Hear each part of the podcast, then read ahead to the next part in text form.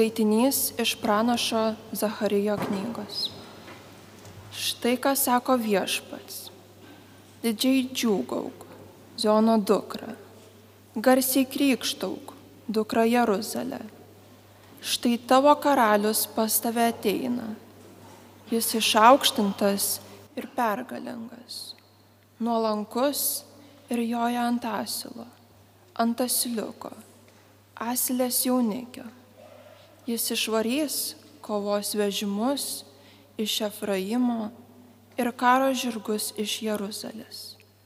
Karo lankas bus sulaužytas, jis skelbs taiką tautoms. Jo valdžia bus nuo jūros lik jūros ir nuo upės lik žemės pakraščių. Tai Dievo žodis. Dėkuoju.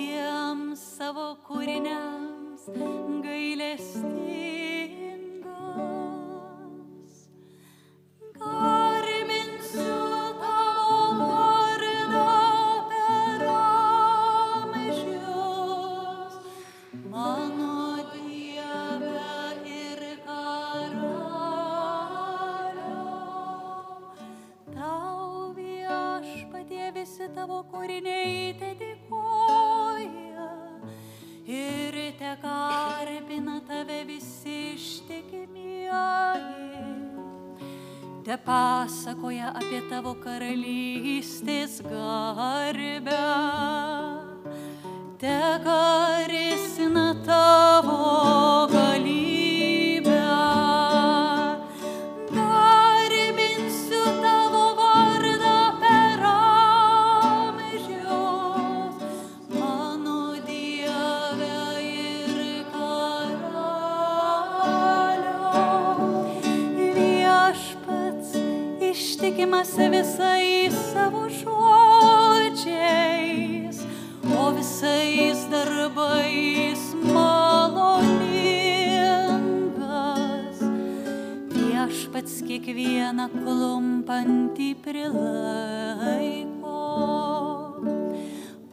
pakelia gyvenimo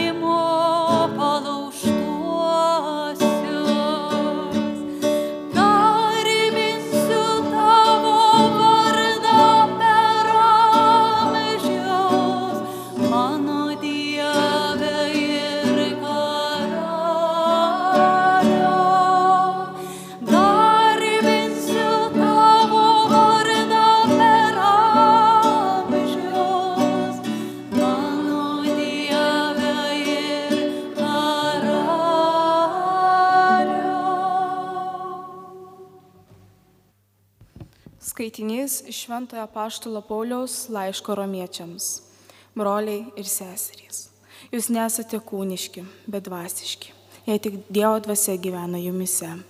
O kas neturi Kristaus dvasios, tas nėra jo. Jei jumise gyvena dvasia to, kuris Jėzų prikėlė iš numirusiųjų, tai jis, prikėlęs iš numirusiųjų Kristų Jėzų, atgaivins ir mūsų mirtinguosius kūnus savo dvasia, gyvenančių jumise.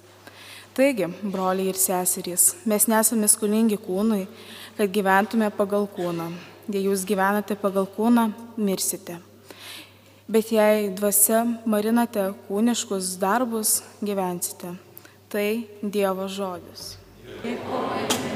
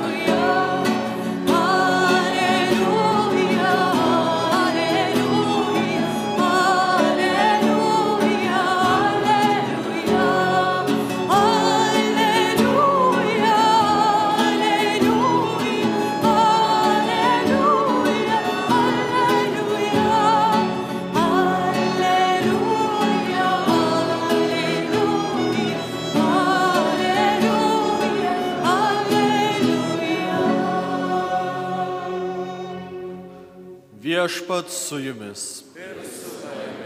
Iš Šventojios Evangelijos pagal Matą.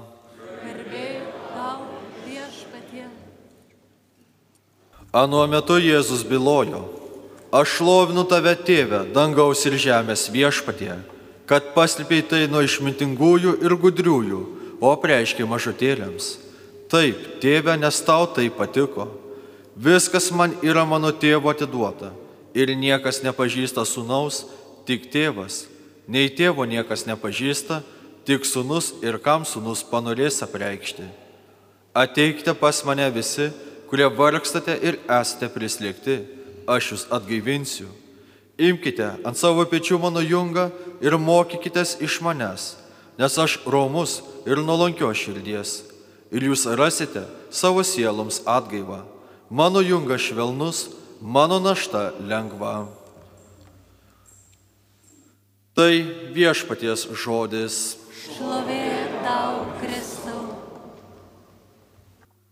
Šlovinu tave, tėve, dangaus ir žemės viešpatie, kad paslėpiai tai nuo išmintingųjų ir gudriųjų, o preiškiai mažutėlėms. Ar Dievas nuo mūsų ką nors paslėpė? Tikrai ne. Jis viską apreiškia, ką mums reikia pažinti. Tai kodėl dalis žmonių nepažįsta Dievo? Štai skaitydami šventai raštą mes pamatome, kad Dievas mieliau bendrauja su tais, kurie yra mažutėliai. Tai yra atstumti, verti pasigailėjimo ir atvirkščiai. Pasaulio išdidėjai ir pasitikinti savo jėgomis dažniausiai užveria savo širdies duris tikėjimui, nes galvoja, kad jie viską pasieks patys, pasieks savo jėgomis. Mes, brangieji žmonės, esame labai sudėtingi kūriniai, nes esame sudaryti iš kūno ir dvasinės sielos. Todėl mums labai svarbu yra derinti ir kūniškus, ir dvasinius dalykus. O dvasinį gyvenimą mumise sustiprina šventoji dvasia, kurią viešpats pirmą kartą mums suteikė mūsų krikšto dieną, o toliau vis nuolat teikia, jei tik mes nesudarome tam dirbtinų kliučių. Štai ir šiandien atraime skaitinyje iš laiško romiečiams išgirdome tokius žodžius. Jei gyvensite pagal kūną, mirsite. O jei dvasia marinate kūniškus darbus, gyvensite.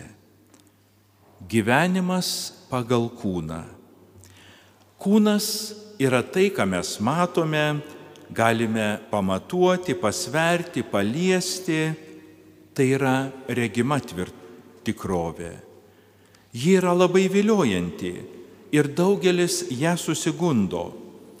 Norima siekti tik to, kas matoma, kas regima, kas paliečiama.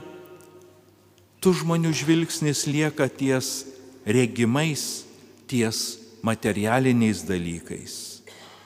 Bet apaštalas sako, jei gyvensite pagal kūną, mirsite. O kaip gyventi pagal dvasę?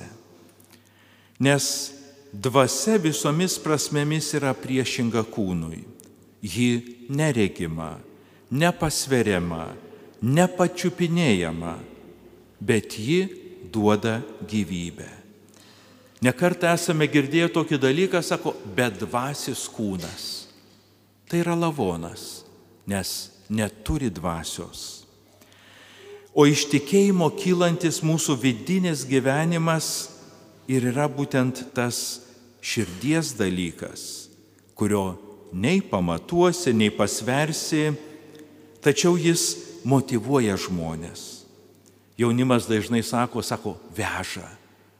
Veža gyvenimas pagal dvasę. Štai keletas švento rašto momentų. Kai izraelitus užpuolė filistinai, visi įsigando ir bijojo stoti mūšį. Tuomet iš filistinų, iš priešo stovyklos ateina vienas išeina aukštas, raumeningas vyras, vardu galijotas, apsiginklavę šarvais, skydų jėtimi, kardu ir jis kviečia į dvikovą iš izraelitų stovyklos.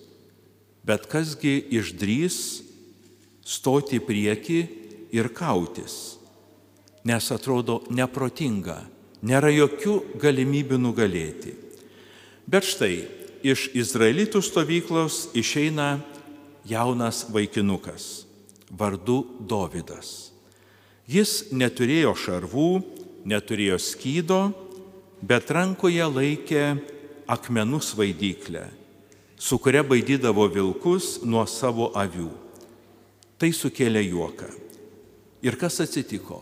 Ogi tas vaikinukas jaunas Dovydas su savo tą svaidyklę akmenų pataikė į galijotą, jis pargriuvo ir Dovydas jį nugalėjo. Ir Dievas davė suprasti, kad ne kūnas čia nugalėjo, bet būtent dvasia. Štai ir kitas pavyzdys. Šiandien girdėjome pirmąjį skaitinį iš pranašo Zacharijo knygos. Karalius atjoja į Jeruzalę. Jis kuklus ir joja ant asilaičio. Bet bus sutriuškinti Efraimo kovos vežimai ir Jeruzalės žirgai. Argi protas nebiloja priešingai? Argi gali asilais jojantis nugalėti tuos, kurie turi daug žirgų ir karo vežimų. Bet Dievas duoda tokios galios, kad galutinę pergalę pasiekia būtent tie, kurie vadovaujasi dvasia, o ne kūnų, kurie klauso daugiau širdies, o ne proto balso. Štai neseniai popiežius Pranciškus, kalbėdamas su jaunuoliais, minėjo tris kalbos rušis proto kalbą, širdies ir rankų kalbą. Jis sakė, proto kalba, kad aiškiai galvotume apie tai, ką jaučiame ir darome. Širdies kalba, kad gerai ir giliai įsiklausytume. O rankų kalba, kad įgyvendintume tai, ką girdime ir apie ką galvojame. Čia galime daugiau sustoti ties rankų kalba, kuri simbolizuoja veiksmą. Juk ir lovoje drypsant galima svajoti apie aukštus idealus, tačiau jeigu mes nieko neveikiame, tai lieka tik tuščios svajonės. Pavyzdžiui, kažkas iš jaunuolių svajoja eiti savanoriauti ar prisijungti parapijoje prie jaunimo grupelės, ateiti partarnauti šventoms mišioms, tapti ministrantų, tačiau tai ir lieka svajonėmis. Protė tai yra, bet veiksmų nėra. Nėra tos rankų kalbos, nėra veiksmo. Ir popiežius Pranciškus toliau tęsia taip savo mintį. Pirmin jaunime. Nepasiduokite įtaigai tų, kurie gyvenimą paverčia idėjomis. Jie vargšai. Prarado gyvenimo ir susitikimo džiaugsmą. Melskite už juos. Kodėl vargšais popiežius vadina tuos, kurie prarado gyvenimo ir susitikimo džiaugsmą? Mes vis dar atsimename pandemiją ir karantiną, kuriame negalėjome susitikti, todėl bendravome per nuotolį. Ar pastebite, kad daugelis mūsų bendramžių dar nėra išėję iš karantino? Jie ir toliau sėdi savo virtualioje tikrovėje ir nepatiria susitikimo džiaugsmo. Jaučiu, kad ir šį vakarą šiame susitikime galėjo būti daugiau jaunuolių, bet kiti tikriausiai dar yra karantine. Jie panorėjo likti virtualioje tikrovėje, galvodami, ai, pamatysiu per socialinius tinklus, vis tiek va čia laksto aplink mus filmuoja, fotografuoja. Tie jaunuoliai save apiplėšė, nes jie neturi susitikimo džiaugsmo.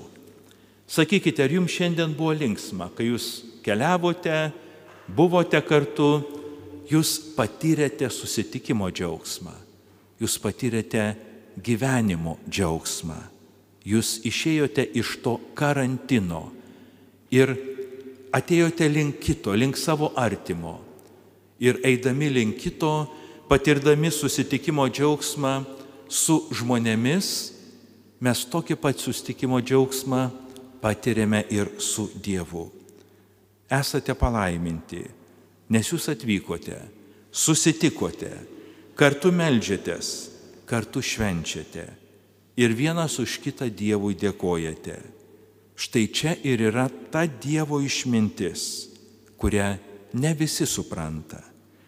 Tik tai tie, kuriems duota suprasti. Todėl ir Jėzus meldžiasi. Aš lovinu tave, tėve, kad paslėpiai tai nuo išmintingųjų ir gudriųjų, o preiškiai mažutėliams. Štai šiandien pilna bazilika tokių mažutėlių, kurie patiria gyvenimo džiaugsmą ir patiria susitikimo su Dievu ir su kitais džiaugsmą. Amen.